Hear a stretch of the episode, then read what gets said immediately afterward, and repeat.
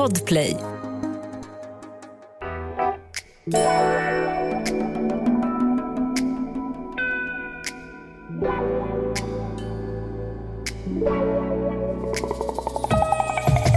är ju också väldigt intimt att stå bredvid Mm, varandra i en mm, lift. Det är det. är det. det, är. Liftetikett, vad pratar man om då? Tryckkokare kanske? I våran drink så hade hon en rökt tallkotte från Stockholm. Ja, från Stockholm. Men den doftade ju så gott. Jag satt och sniffade på den nästan Mm. genom hela middagen för att det är så härliga rökta toner. Alltså, väck mig mitt i natten när som helst på året. Vad vill du ha, jag sagt, ge mig en tunnbrödsrulle. Ja, bra. Alltså, Erik, Ja. hur mår du egentligen? Eh, ser jag inte ut att må bra, Jo, du? men det är en samvetsfråga. Jag tänker på det så himla ofta. Det, att, eh, det är inte varje dag man verkligen svarar på djupet. Och då tänkte jag så här, min gode vän och kollega Erik Videgård, Ja. hur mår du egentligen? Det är just det här egentligen, när man lägger till det, då blir det på allvar på något sätt. Mm. Eh, du, egentligen så mår jag eh, väldigt bra. Ja, konstigt.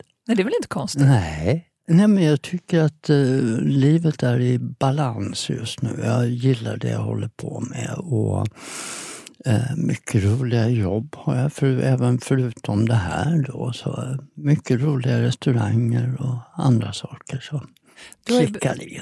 Mm. Du har ju berättat för mig och alla andra lyssnare att du har som, som grej att aldrig överdriva någonting. Utan får du en, en fråga så svarar du uppriktigt. Mm. Så jag blev väldigt glad att höra det. Mm. För det innebär att du verkligen menar det. Också. Ja. Ja. Hur mår du egentligen? Nej, jag mår bra också bra. Ja. B- Brock så bra. Bra, så bra. Ja, bror också bra. Ja. Hur går det med lägenheten? Då? Det går bra, det går framåt, det är snart klart. Det känns så roligt faktiskt. Däremot så lever vi i en värld som är så skakig så man får ju se nu framöver Mm, om eh, det är mm, bra att ha mm. köpt dyrt eller inte. Mm. Nåväl, vet du vad jag tycker? Nej, berätta. Jag tycker vi pratar mat istället. Okej. Jaha, för anledningen till att jag frågar dig hur du mår just nu är för att jag undrar, vad lagar du för mat just nu egentligen? Oj. Eh, just nu, jag håller på med ett jätteroligt eh, projekt eh, som bygger mycket på mackor i olika former. Allt ifrån smörrebröd till eh, eh, hoagies till eh, stora, stora härliga bookmaker sandwiches. Och, Men är mackan grejer. på ingång igen? oj, oj, oj. Ja. För den har ju varit eh, lite Mm. så svävat eh, i, i uterummet ett tag. Japp, japp, när vi inte åt massa bröd och så. Men nu är den på väg in igen. Ja, ja, oh ja, mackorna blir stora i år. Jag lovar dig. Ah. Både i format och ehm, fyllning och allting annat. Vad är det för typ av bröd då som kommer trenda tror du? Vi kommer att gå ifrån surdegsbrödet. Det kommer att bli mera variation på eh, bröden. Ehm, Även om bröden kanske blir mer tillbehör till själva fyllningen. Det gör ju också att om du tänker en, en härlig levain, ett levainbröd i all sin smakrikedom, syrlighet och allting sånt eh, som har med, med, med surdeg att göra och så vidare, så är det rätt krångligt att äta. Alltså. Ja, Har du funderat på det? ja, ja, definitivt. Och, eh, det är ju, jag älskar mackor. Mm. Nu är jag glutenallergisk, jag kan inte äta bara en macka på uppstuds där, utan jag måste veta att det är glutenfritt bröd, vilket Ja. inte är jättelätt att komma över om du ska köpa. Ehm, men, eh, men just det här när du säger att mackor, vänta vad var frågan egentligen? Vad är det som händer? Vadå? Vad är det som händer? Jag känner mig som statsministern på en presskonferensen. Ja. Ja. men precis. Nej, men, eh, men du säger att mackan, att brödet eh, bara är som ett tillbehör till innehållet. Ja. Det älskar jag förstås. Men Mm. det har också varit det som håller ihop innehållet. Ja, och det är precis vad ju- det är. ja. Det är som ett omslag mera. Och där ges det ju då större frihet att välja bröd dessutom. Det har ju fullständigt exploderat om vi pratar just glutenfria bröd, glutenfria bagerier. Förut så hade man tur om man kunde hitta någon fryst eh, variant inskrämd i ett hörn i, i frysen på mm, lokala mataffären. Nu finns det ju bagerier som inte gör annat än fantastiska glutenfria bröd och där behöver man inte ens tänka, jaha, var det ingen gluten i det här? Utan man tänker, åh, jag vill ha det där goda brödet som sen råkar vara glutenfritt. Jag håller med, men de är fortfarande inte många. Det, det, vi, jag är jätteglad att det, att det finns överhuvudtaget, för ja. det krävs ju mycket av ett bageri att vara glutenfritt, mm, att man mm, inte mm, hanterar någon form av gluten. Då. Ja. Och nu eh, bor ju du och jag i Stockholm ja. och eh, här finns det, men jag kan tänka mig att det inte finns lika många ute i landet, Nej, så det är fortfarande det är svårt. Det är sant. Men, men eh, utbudet i mataffären har definitivt blivit betydligt bättre och jag tror också att, att fler och fler eh, inte riktigt tänker på om de äter glutenfritt eller glutenbröd. För Nej. det smakar så mycket mer och så mycket godare idag än vad det kanske gjorde för bara fem år sedan. Ja, och i och med att det händer eh, så pass mycket så pass snabbt eh, här i den här stora stan där vi bor så betyder ju det att det här kommer att hända även ute eh, i landet såklart. Ja, men man hoppas ju det. För det är ju gott med mackor. Jag älskar att du ser en, en macktrend up yes. and coming. Mm. Det håller jag på med nu. Ja, men vad härligt. Men jag tänker på när vi var i USA och käkade sån här Ruben eh, ja. sandwich. Mm. Är det lite åt det hållet alltså? Alltså så här mm, otroligt en, mycket innehåll. Ja, det är en variant. Eh, även om du tänker dig att man, man har eh, det som man kallar för hoagie eller påboy i um, i USA. Men vad säger du, hoagie? Jag fattar inte. Ja, hoagie är en form av macka. Jaha. Hur stavar du det? Eh, H-O-A-G-I-E. Hoagie. Ha. Ah, ja. Eller en påboy. Ja, Om man är nere, har du okay. hört det? Ja, det är man ju nere i, i uh, Louisiana, alltså Norrlands och där nere. Där man gärna äter med, fylld med friterad ostron. Och det här ser du alltså på väg till Sverige? Wow, wow. ja. Aha italienska mackor, moffolettas. Mm. Älskar! Men, men eh, hoppas det finns någon variant där, där om man inte ändå har glutenfritt bröd, att det går att ta med sig mackan ändå. Alltså jag vill gärna ha en sån här macka utan mackan, alltså utan brödet. Ja, ja, ja, alltså lite California style där man ju kan få i, i salladswrap. Ja, eller tänk det som en, en, eh, ett smörrebröd som ju ligger på en liten skiva danskt rågbröd sådär. Men det är ju egentligen fyllningen som är det intressanta där. Det andra är ju mer ett, eh, eh ett transportmedel från tallrik till mun på något sätt. Tycker så mycket om den här spaningen mm -hmm. och hoppas så innerligt att den kommer slå in. Och det kommer den göra om jag känner dig. Ja, ja, absolut. Det ska jag se till. Du Erik, det var ju eh, riktigt skitväder och snöstorm i vår del av landet i alla fall eh, i veckan. Styr också vädret vad du lagar för mat? Ja, det gör det. Eh, jag är betydligt mer grytbenägen jag blir som en tax, jag blir som en grythund eh, när det blåser och i tvärs med snö och storm och dant. Och så sitter jag där med en härlig bœuf bourguignon och bara njuter. Ja, men du planerar den här grytan då flera dagar i förväg? Mm. Eller kan du gå på känsla där? Vad du är sugen på för Jag dagen? går på känsla. Eh, och, eh, och det måste vi ju ta upp, det här med tryckkokare. För att då gör du en gryta på en halvtimme istället för tre timmar. Berätta, crash course till tryckkokare. Det här kan vi gå in lite djupare i sen i, på köket, men, men i eh, grund och botten så är en tryckkokare en gryta med ett lock som sitter fast. Mm. Mm? Okay. Där du skapar ett övertryck. Eh, det vill säga, du får vattnet att bli, eller vätskan att bli någonstans 103-104 grader istället för 100 som är kokpunkten. Och I och med att du lagar under tryck så går det betydligt snabbare att tillaga. Och det är bra. Så att ett långkok som tar eh, tre timmar, annars det tar en halvtimme. Ett långkok blir ett kortkok? Ja. Du kompromissar inte med smaken om du gör ett långkok till ett kortkok? Nej, absolut inte. Det, det, du vill göra, du vill ju mörkoka. Det är ju därför man gör grytor egentligen. Det gör man ju inte på oxfilé och entrecote utan det gör du på eh, ytterlår och andra delar på, på djuret som, som du måste koka längre för att få dem möra. Eh, och det är ju underbart för då tar du tillvara på hela djuret på ett annat sätt. Och grytan vill du då, där vill du ha mört kött och mört kött kräver längre tid i grytan. Med en tryckkokare så förkortar du den tiden. När vi hamnar i köket eh, någon gång framöver, då måste vi ju fördjupa oss i tryckkokare. Ja, då ska jag gå in på lite andra tekniker också. Lite roliga maskiner som man kan ha. Jag gillar maskiner. Om du utbildar svenska folket alltså.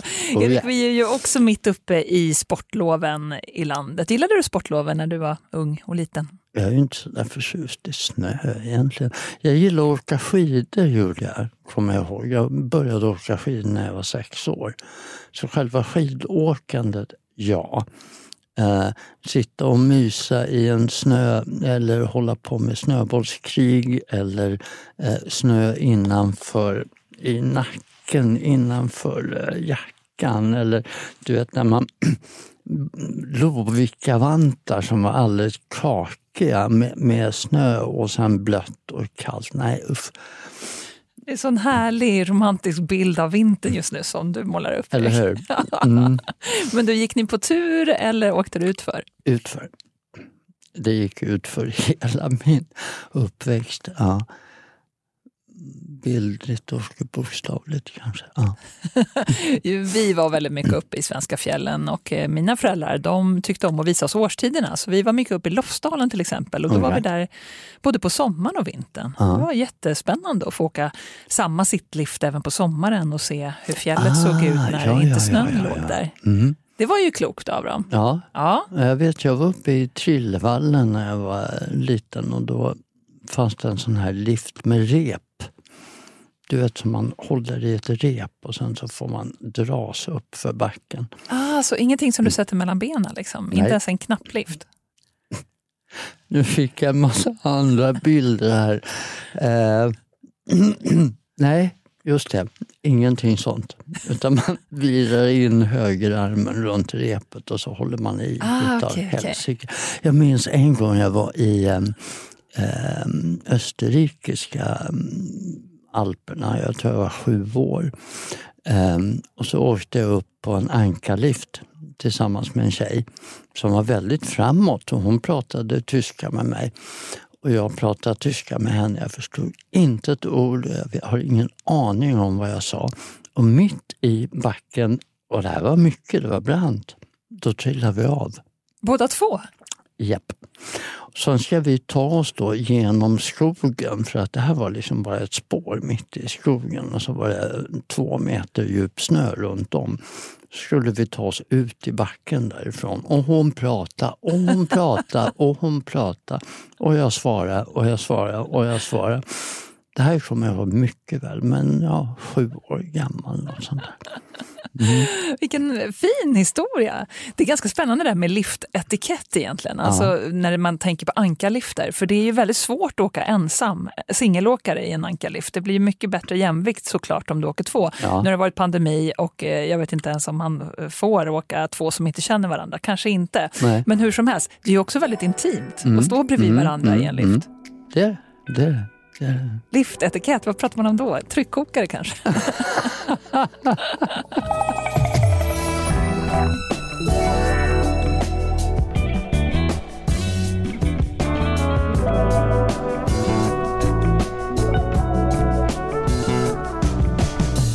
Erik, eh, pandemin har ju gjort att många rest i Sverige och framförallt i fjällvärlden. Mm. Och eh, både i somras och nu under vintern så har ju fjällturismen och friluftslivet eh, verkligen exploderat. Eh, väldigt kul. Ja. Och i västra Jämtland så hittar vi ju ett av Sveriges mest välbesökta vinterresmål, nämligen Åre.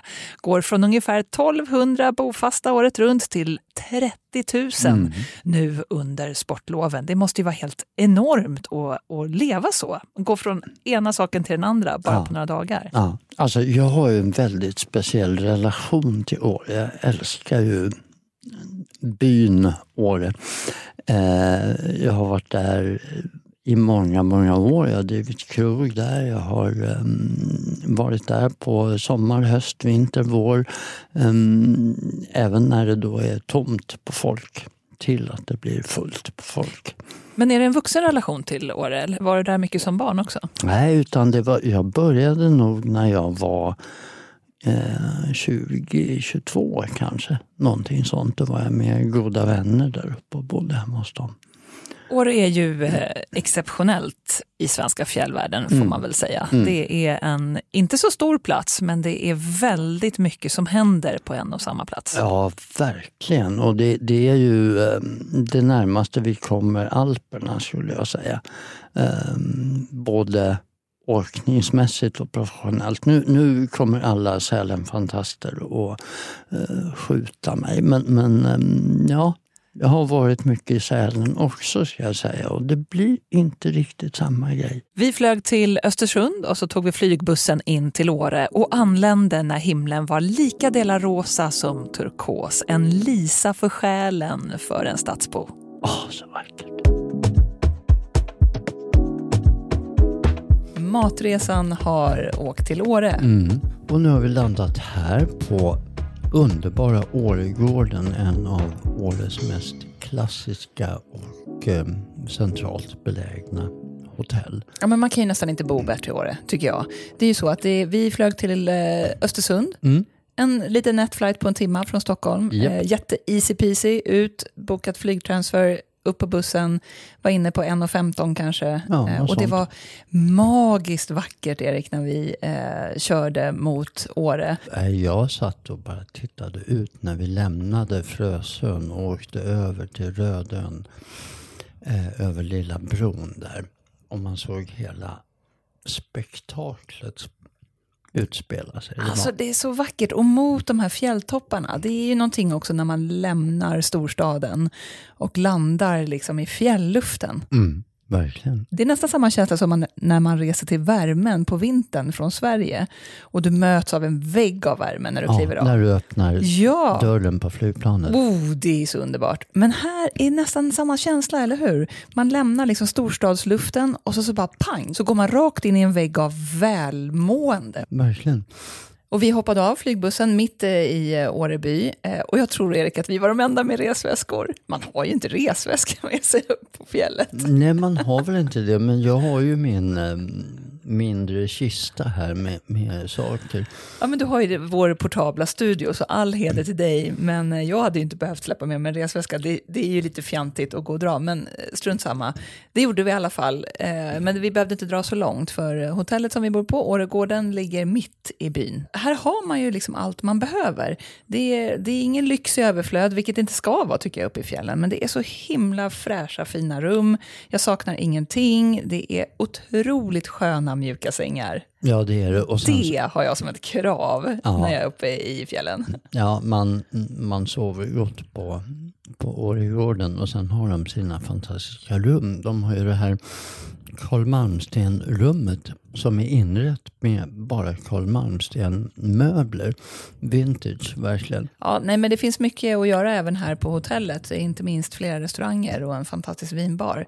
Men det ska vi prata om sen. Ja, vi ska ju till vinbaren om någon dag här. Ja, men precis. Mm. Ja, då ska ni få en ordentlig recension. Verkligen. Men vi, eh, vi rivstartade med en lunch helt enkelt, som du hade bokat Erik och jag hade aldrig varit där. Nej, det kanske beror på att det inte är så jäkla lätt att ta sig dit.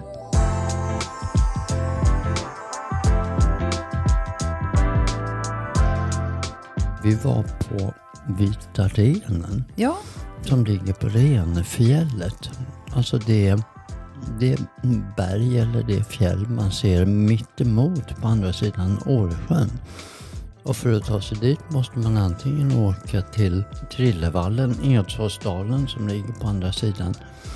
Därifrån kan man ta sig via deras livssystem. Många tar sig dit på långfärdsskidor. Eller så kan man åka skoter. Ja, som vi gjorde. Så vi åkte upp till eh, skoterbasen som Åreguiderna har och eh, mötte upp Johan. Fantastisk eh, guide. Vilken underbar kille som älskar, han lever för sin mountainbike-cykling på somrarna men på vintrarna så kör han även eh, skoterturer. Vi eh, joinade upp med Johan och Mm. eh, du körde själv. Ja. Jag hoppade på bakom Johan och sen bar vi av. Och vilken dag! Sol, två, tre minusgrader, Ja. massor med snö. Ja. Så här gnistrande, eh, andetagande vackert så som det kan vara när det är som bäst här uppe. Ehm, just den här när det ligger som ett, en, ett fly, ett skimmer utav nysnö som blåser lätt över snötäcket. Mm, det ser ut som dimma, det ser ut som änglar som dansar över snötäcket. Det är helt jäkla fantastiskt. Johan som var en extremt duktig guide, han, han ehm, tog ju verkligen hand om oss och mm, visade oss en underbar väg. Över sjöarna, upp för berget, upp till um, Vita renen. Uh, eh, litet, eh, vad ska man kalla det för? Café Ja, men en liten säga. timmerstuga, ganska Ja. enkelt Mm. men fantastiskt mysigt. Det finns inte många rätter, det finns våfflor och sen så fanns det en gulaschsoppa, en linssoppa och någon ciabatta-smörgås. That's it. Ja, Älskar. precis. Men allting gör de själva. Ehm, så att det är inte det här öppna burk och värma på, utan det här är, det här är med hjärta. Ja, men, eh, du åt en gulaschsoppa, Mm. gudomlig. Jag tog linssoppan för att prova något annorlunda och de hade syrad lök på. Det tyckte jag var så himla gott ihop med den här linssoppan. Jag är lite allergisk mot just ehm, det här med picklad rödlök. Jag tycker att det har gått lite... ehm, ja. Jag förstår, du tycker att det har blivit eh, overdue där. Men, Ja, men jag tycker mycket. fortfarande att det är gott. Och Mm. jag tyckte det var jättegott ihop med linssoppan. För det, Vet du, det bröt av lite Jenny, med sig. Jenny, Ja? det är helt okej. Att jag har en åsikt. Ja, du får tycka att du... Jag vet, jag vill bara motivera för dig. Ja, ja, ja. Mm. Men du smakar ju inte ens. Nej. Nej, du ser. Ja. Urmysigt. Och eh, av med den här stora skoteroverallen och så fick man låna tofflor, bara en sån sak. Ja. Så här enkel liten detalj som var väldigt, väldigt trevlig. Mm. Och eh, där satt vi och tittade in i den stora öppna brasan och åt vår lunch. Mm. Riktigt bra var det.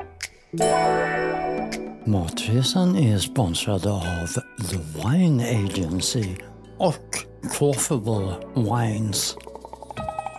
Idag börjar vi resan i den sydligaste delen av Bourgogne.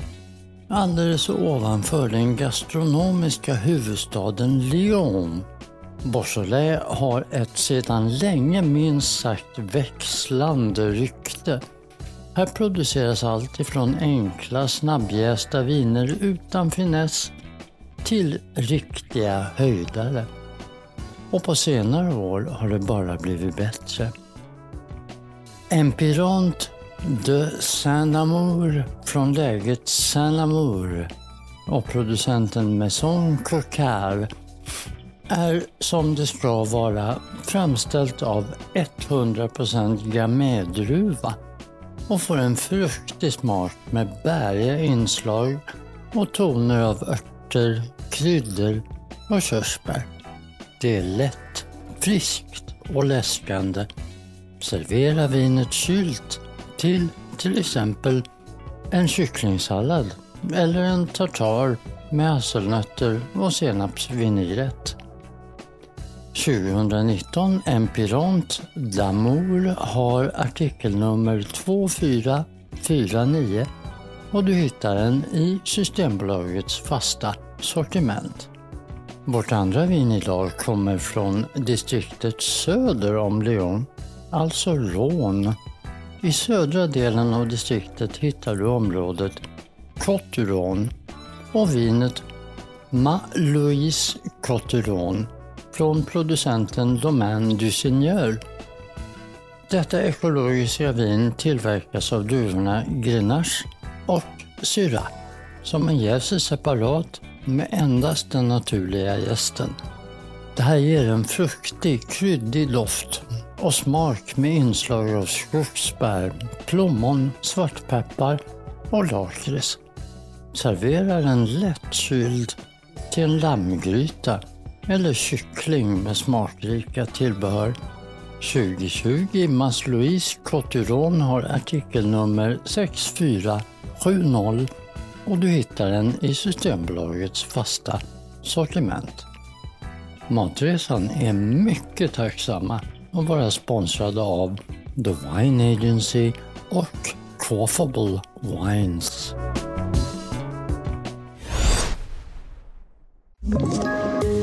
Poddtips från Podplay. I fallen jag aldrig glömmer djupdyker Hasse Aro i arbetet bakom några av Sveriges mest uppseendeväckande brottsutredningar. Går vi in med hemlig telefonavlyssning och, och då upplever vi att vi får en total förändring av hans beteende. Vad är det som händer nu? Vem är det som läcker? Och så säger han att jag är kriminell, jag har varit kriminell i hela mitt liv men att mörda ett barn, där går min gräns. Nya säsongen av Fallen jag aldrig glömmer på Podplay.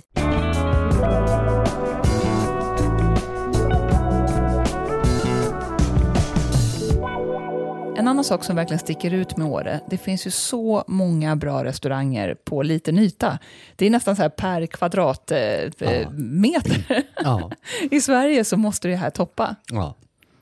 På kvällen nu då, då, då um, Åregården som sagt ligger ju centralt mitt i byn. Så då tänkte vi, vi vill inte röra oss allt för långt ifrån. Och kanske 50 meter. Det är verkligen inte mer än så. Nej, Man hade nästan inte behövt ta yt- ytterkläderna med sig. nej, precis. 50 meter Ja. härifrån så ligger Åre fjällpub. Där vi blev välkomnade av Glenn och Anette. Ja, där tog vi vår första middag.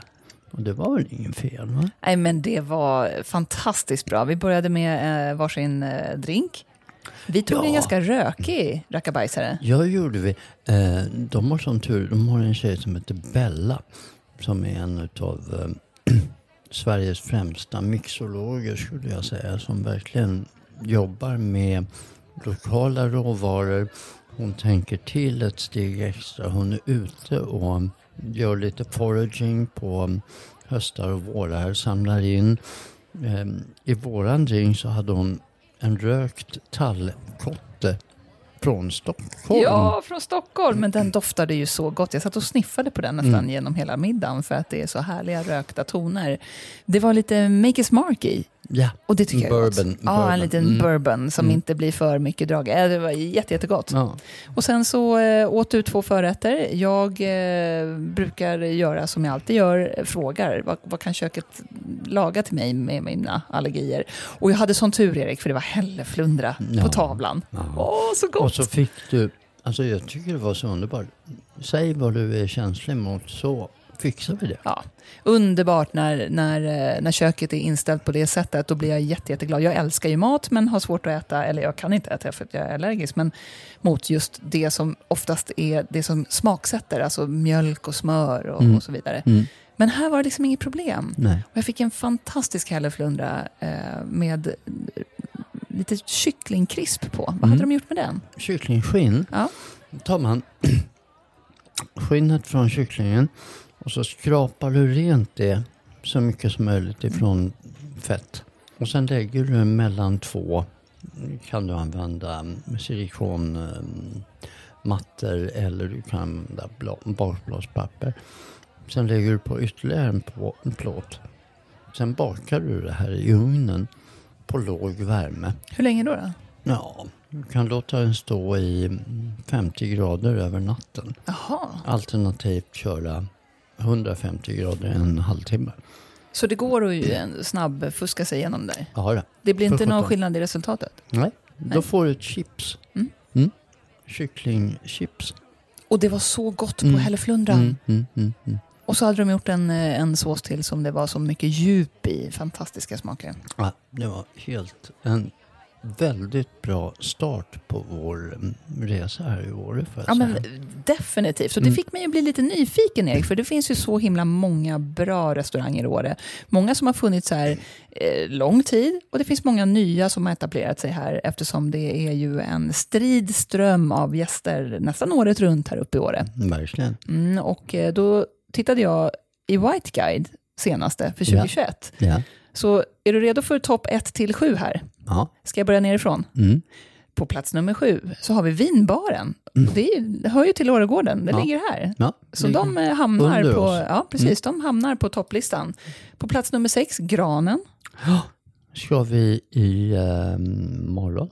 Ska bli jättekul att se. De har ju också funnits här i år eh, under en lång period. Ska Oh ja, bli oh ja, oh ja. jättekul att smaka på vad de gör just nu. Och sen är, där är det ju kul för där har vi mm, min kompis Petter som, som driver det här och som har tagit med sig sina viner ifrån inte minst Italien. Jag vill också vara lite att Det är lite min kompis också, Erik. Det är inte bara din kompis. Det är det. Ja, och min, och min ja. kompis ibland också, Petter. Nej, Petter är grym. Fantastisk. Det ska Ja, bli och sen är det eh, köksmästare Emma Mhm. Dolk som jag har jobbat med. Jag har varit på gästspel faktiskt på granen och kört med Emma. Jaha, vad kul. Ja, men det, ska bli, det ser jag verkligen fram emot.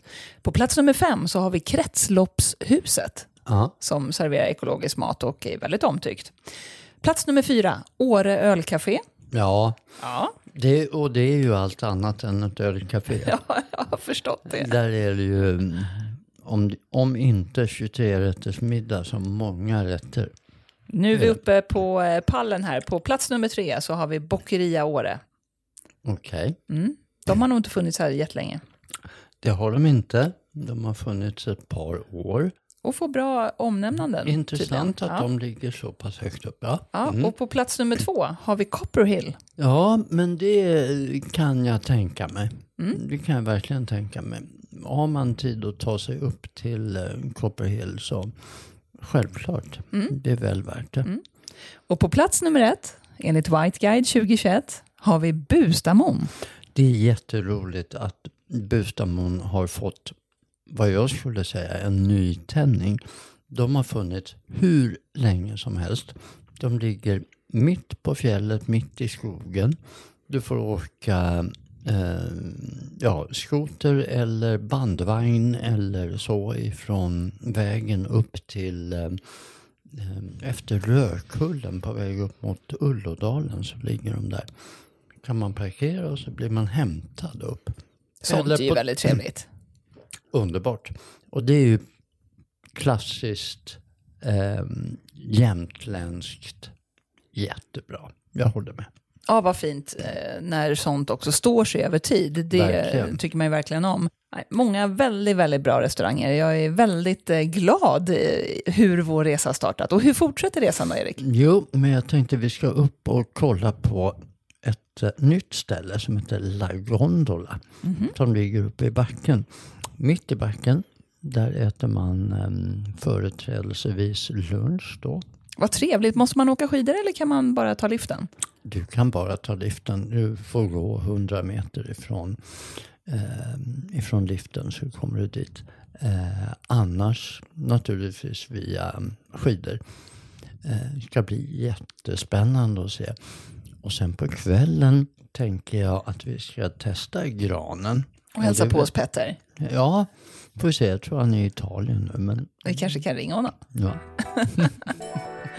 Ja, det ska bli jättespännande. Vad härligt.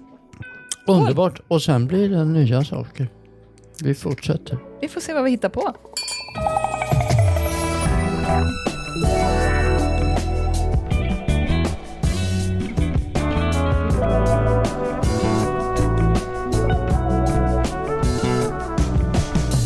Alltså, Åres matkultur, det är ju verkligen något helt exceptionellt. Så otroligt många bra krogar och eh, bra matställen. Jag tänkte också, Erik, det måste vara så svårt att tillgodose alla de här behoven också från krögarnas sida. Alltså den hungriga skidåkaren, barnen som bara vill äta det de gör i sin hemort, eh, den kräsna foodien som kanske tar för givet att alla råvaror ska finnas precis som det gör hemma i storstan. det måste vara så svårt. Det är svårt. Nu har det blivit otroligt mycket lättare om man tittar på just Åre.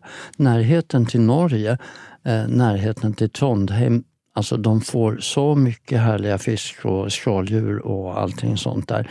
Och det de tar numera så finns det ett ställe precis utanför Åre eh, dit de eh, importerar eh, underbar fisk och skaldjur. Sen har du ju allting. Du har ren, du har annat vilt, du har viltfågel, du har massor med underbara råvaror. Och där även eh, bär och alla sådana saker som finns, som, och svamp och allt möjligt annat. Det känns som utvecklingen verkligen bara går framåt. Nu vet vi också att de bygger ut hela Rödkullen. Mm, det kommer vara klart om eh, några år. Och eh, det jag kände också var att du kanske inte vill hitta precis allt och alla krogar som du har i din hemort. Delar du den känslan? Absolut, självklart. Det, vissa saker ska ju vara speciella också när, ja. man, när man eh, reser bort. Ja, jo, men det, Snart det, så suddas de gränserna ut. Ja, nej, men det var ju lite som Glenn och Anette pratade om med, med det måste alltid finnas um, en um, regnbåge eller röding eller uh, den typen, eller ren eller vad det nu kan vara. Um, det måste finnas för att det vill gästerna ha. Liksom.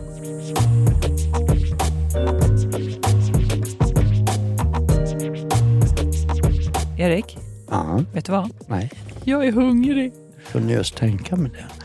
Du får hänga på hem till mig igen för nu ska jag göra något väldigt speciellt. Oh, mm. Jag följer gärna med. Med tanke på det. Mm.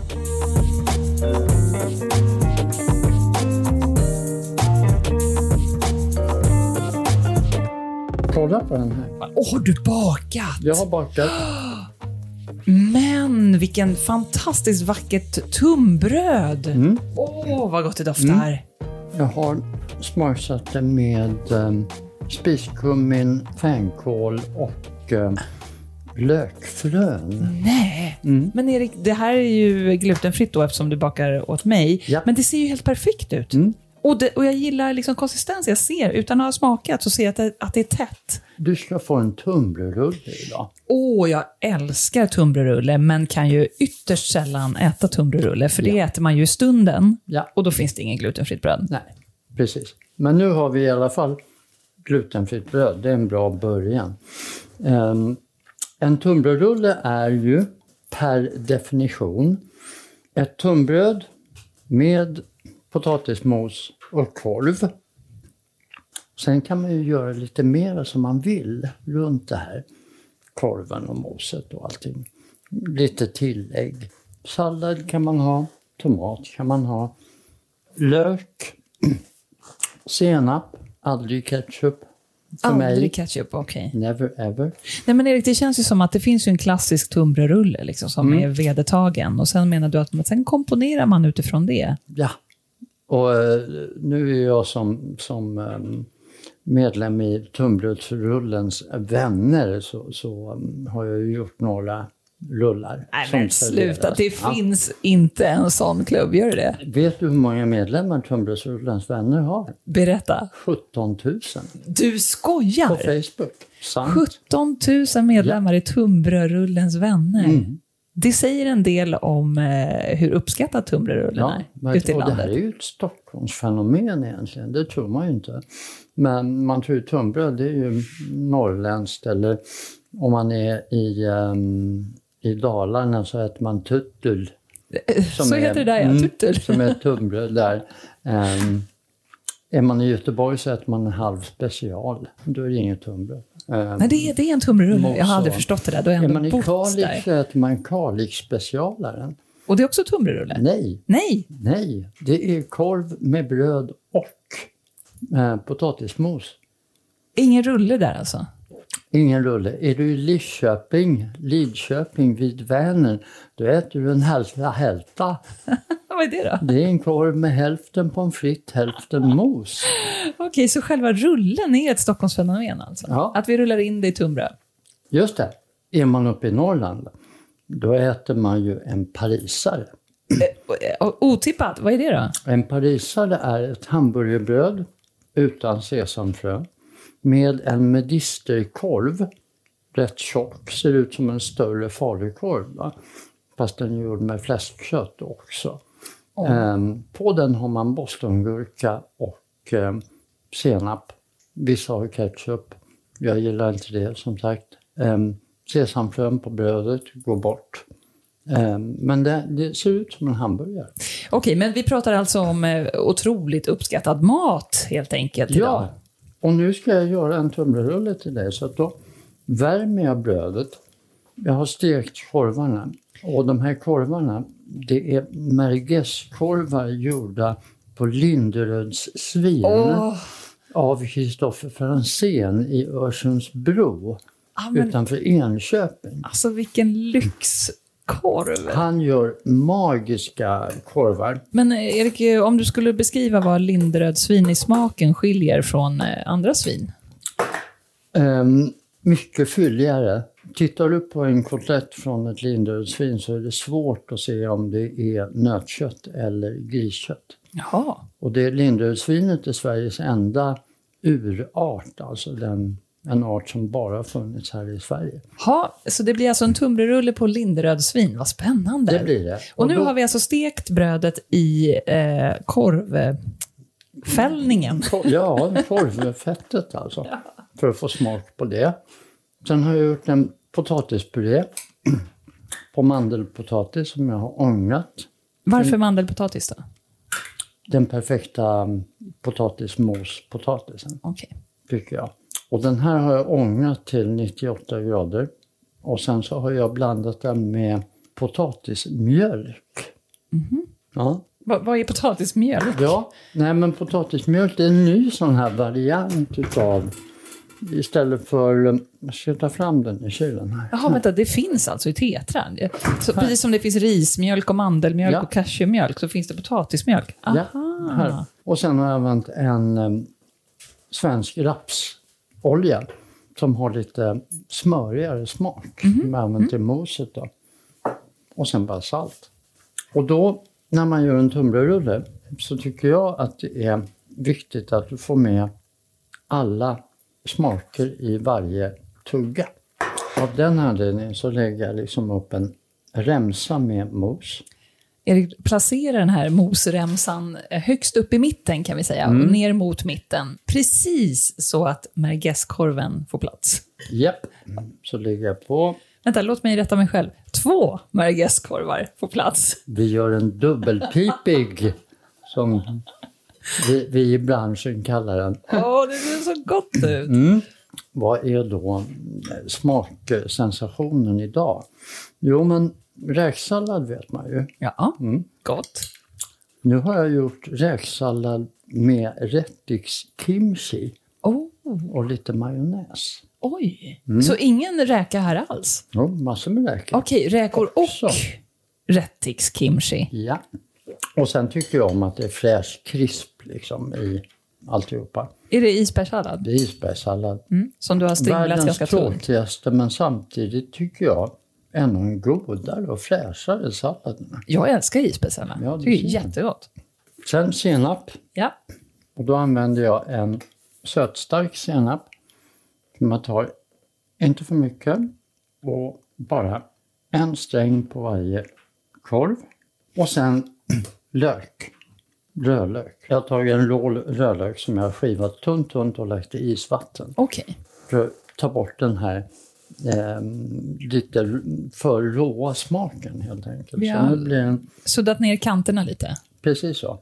Och nu ska vi rulla ihop den här skapelsen. Nu ska vi rulla den och den vanligaste frågan på det här forumet, um, Tunnbrödsrullens vänner, är var får du tag på det här stora tunnbrödet? Ja, vad får du tag på det stora tunnbrödet, Erik? Det får man tag på hos eh, grossister mm, bara, alltså typ eh, Martin Serveras eh, grossist eller eh, Axfoods grossist. Det är Polarblöd som gör den här och den heter 247.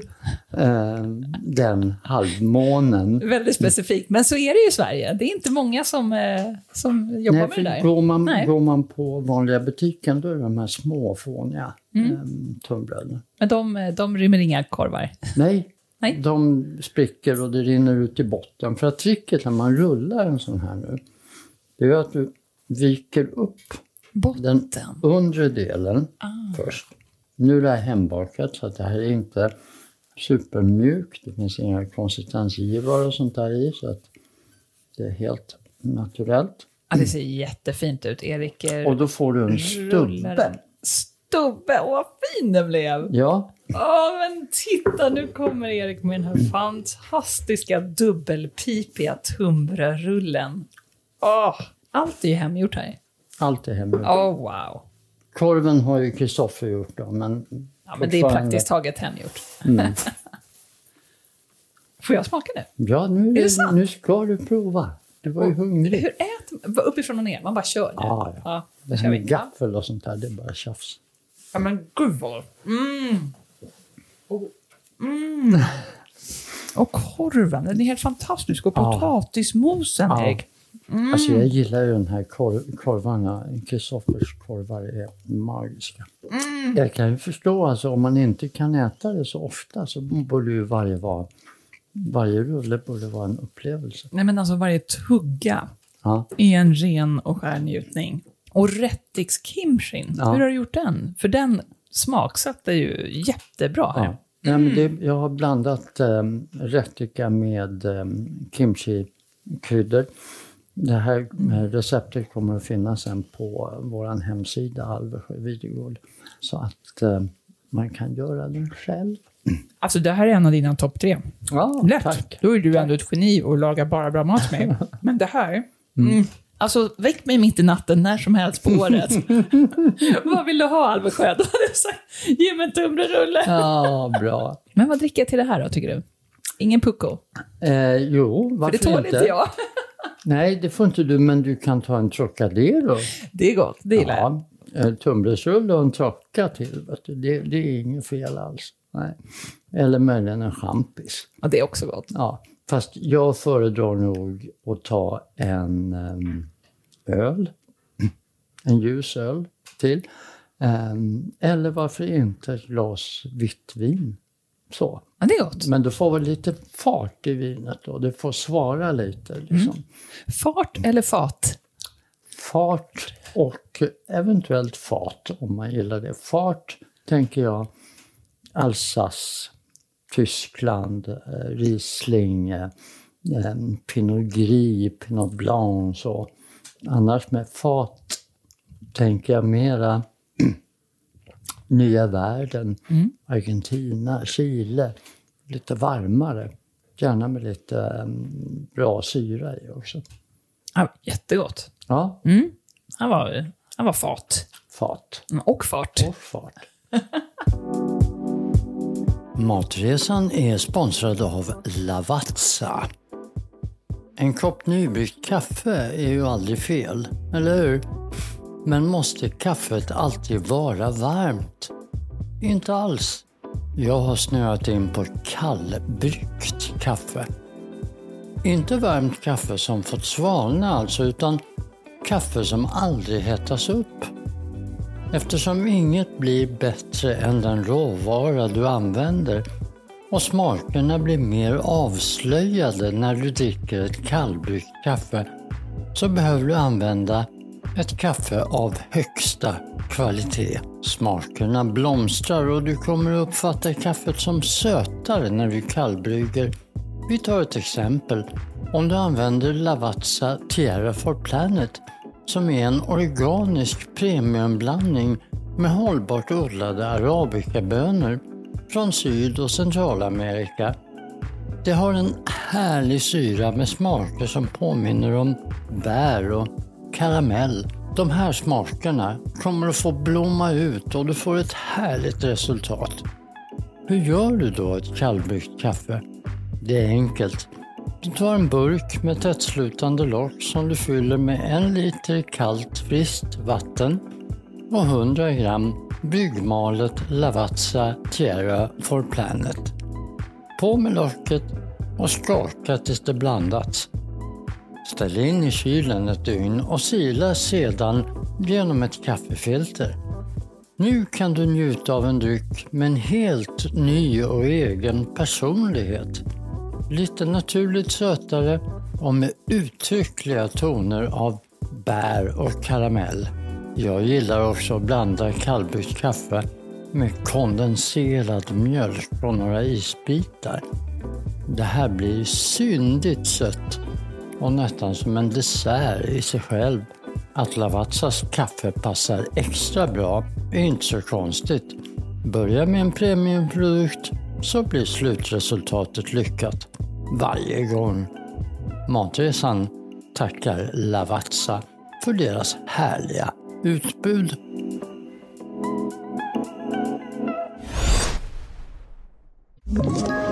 Ett poddtips från Podplay. I podden Något Kaiko garanterar östgötarna Brutti och jag, Davva, dig en stor dos skratt. Där följer jag pladask för köttätandet igen. Man är lite som en jävla vampyr. Man har fått lite blodsmak och då måste man ha mer. Udda spaningar, fängslande anekdoter och en och annan arg rant. Jag måste ha mitt kaffe på morgonen för annars är jag ingen trevlig människa. Då är du ingen trevlig människa, punkt. Något Kaiko, hör du på Podplay. Därför är gardinerna.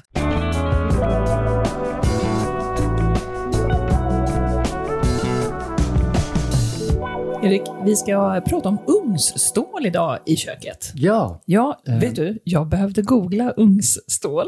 gjorde du? Ja. Ja, men jag ville bara veta, vad menar du egentligen med det? ja. Ska du göra pizza? Ska du göra tunnbröd för den delen? Vi gjorde ju en tunnbrödsrulle tidigare idag.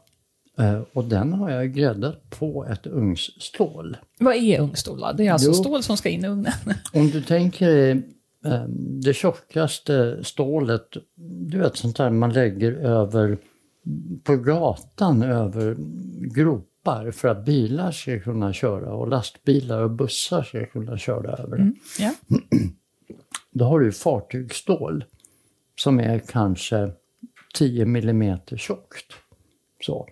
Och där använder du det i en ugn till exempel, då håller ju det värmen något fantastiskt. Och då underifrån. Så att vad jag gör, det är att jag ställer in mitt ugnsstål i mitten av ugnen. Jag brassar på full värme och sen när jag kommit upp i full värme då sätter jag på grillelementet så jag får ännu mer värme. Så jag kommer väl upp någonstans i 350, nästan 400 grader i ugnen. Då tar, en pizza tar en minut att göra klar. Och du får en gräddad underifrån också, så du får verkligen den här frasiga, härliga gräddade botten som trots allt är lite mjuk i mitten. Ah, så när man köper en vanlig ugnsplåt så blir det alldeles för låg värme? Ja, Så du får inte alls samma grillfunktion? Du kan ju göra så att du eh, ställer in ugnsplåten, vilket jag rekommenderar, från början i ugnen. Så att den är varm. Men den kalla degen på den tunna ugnsplåten sänker temperaturen snabbt. Men har du en ugns, ett ugnsstål, det tjockare 10 mm stålet i, då håller det värmen. Aha, men köper man det precis Köper som i- det är? Liksom? Ja, i en matbutik. Eller mattillbehörsbutik. Mhm. Liksom. Köksbutik heter det. Okej, och liksom eh, anpassat i måtten efter en plåt helt Ja, enkelt? och det finns olika varianter på de här. Och det, du kan även, även använda det ovanpå spisen. I och med att det är magneter så kan du ha det. Lägg det på en induktionsplatta. Vrid på. Då har du en stekhäll plötsligt som du kan grilla på eller steka hamburgare eller vad du nu vill. Ja, men gud göra. vad smart. Det har jag aldrig tänkt på. eller plancha, liksom. Såklart. Allting sånt. Men hur hög värme kommer jag upp på en induktionshäll då till exempel? Du kommer upp i väldigt hög värme. Räcker det, liksom? Den blir för hög, Oj. ska jag säga. Så du kan inte köra full fart på den. Vad spännande! Många Mm. vill nog ha en stekhäll. Ja, eh, det är ju det här som är skillnaden då om man säger som pizzasten kan man ju använda. Men den använder du bara i ugnen eller på grillen. Den är ju inte magnetisk så att den hettas ju inte upp så du kan inte ha den på en vanlig induktionshäll. Men det kan du med stålet. Okej, så eh, stålet har lite fler funktionsmöjligheter där. Ja, och det blir varmare. Vad kostar ugnsstål? Är det dyrt? Jag tror att det kostar runt en 500 för en vanlig ugn. Jag tycker inte, om man tänker på en, en bra stekpanna kostar 1000 spänn. Och ett ugnsstål för 500, det är nej, fullt överkomligt. För Återigen, vilken bra present. Eh, julklapp eller födelsedagspresent, eller hur? Ja, till någon som den- tycker om att laga mat. Verkligen. Spännande! Ugnsstål! Ja. Ha, nya världar öppnar sig hela tiden, Ja. Erik. Underbart. Ja, fantastiskt.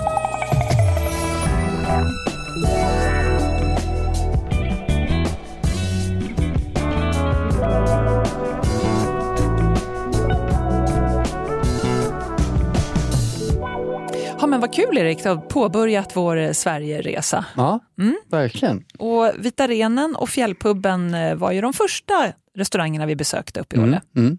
det var det. Och mm, får ju säga att vi var ju jättenöjda med bägge två, såklart. Vitarenen är ju en, det är ett utflyktsmål och det är en väldigt speciell känsla att komma dit upp lite halvflusen och lite dans och där. Jag älskar de där utflyktsmålen som man, eh, som man har och det tar ganska många timmar att ta sig dit Mm. beroende på hur man då väljer. Mm. Men eh, det spelar nästan ingen roll vad de serverar för något för allt smakar gott. Ja, verkligen. verkligen. Och vi har eh, satt poäng också på, på restaurangerna vi besökte. Erik.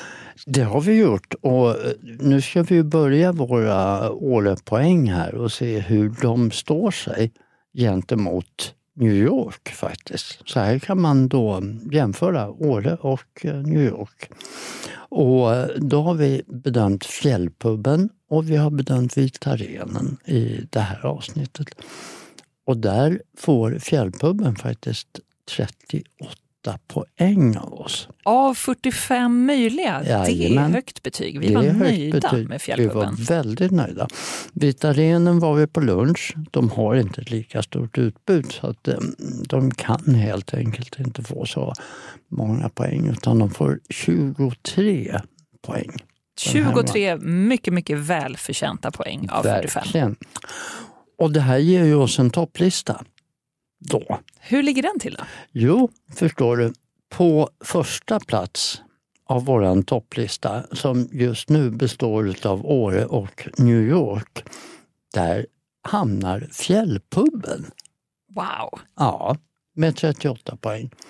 På delad andra plats hamnar Baltasar och Wayan i New York.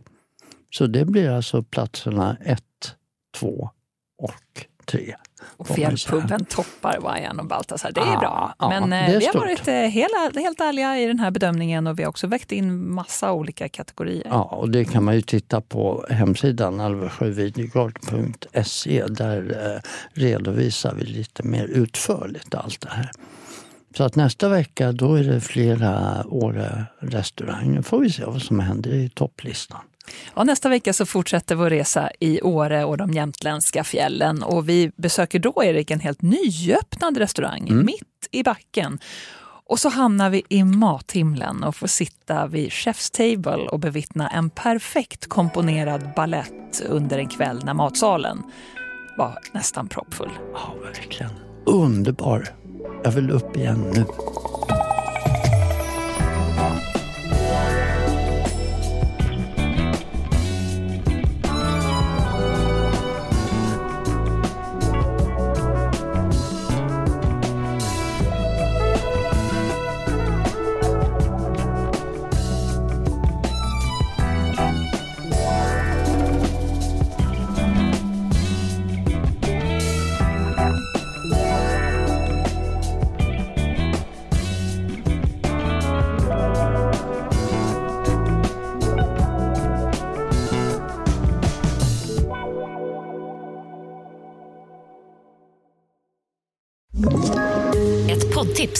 Podplay. I podden Något Kaiko garanterar östgötarna Brutti och jag, Davva, dig en stor dos skratt. Där följer jag pladask för köttätandet igen. Man är lite som en jävla vampyr. Man har fått lite blodsmak och då måste man ha mer. Udda spaningar, fängslande anekdoter och en och annan arg rant. Jag måste ha mitt kaffe på morgonen för annars är jag ingen trevlig människa. Då är du ingen trevlig människa, punkt. Något Kaiko, hör du på Podplay. Därför arkadeinerna.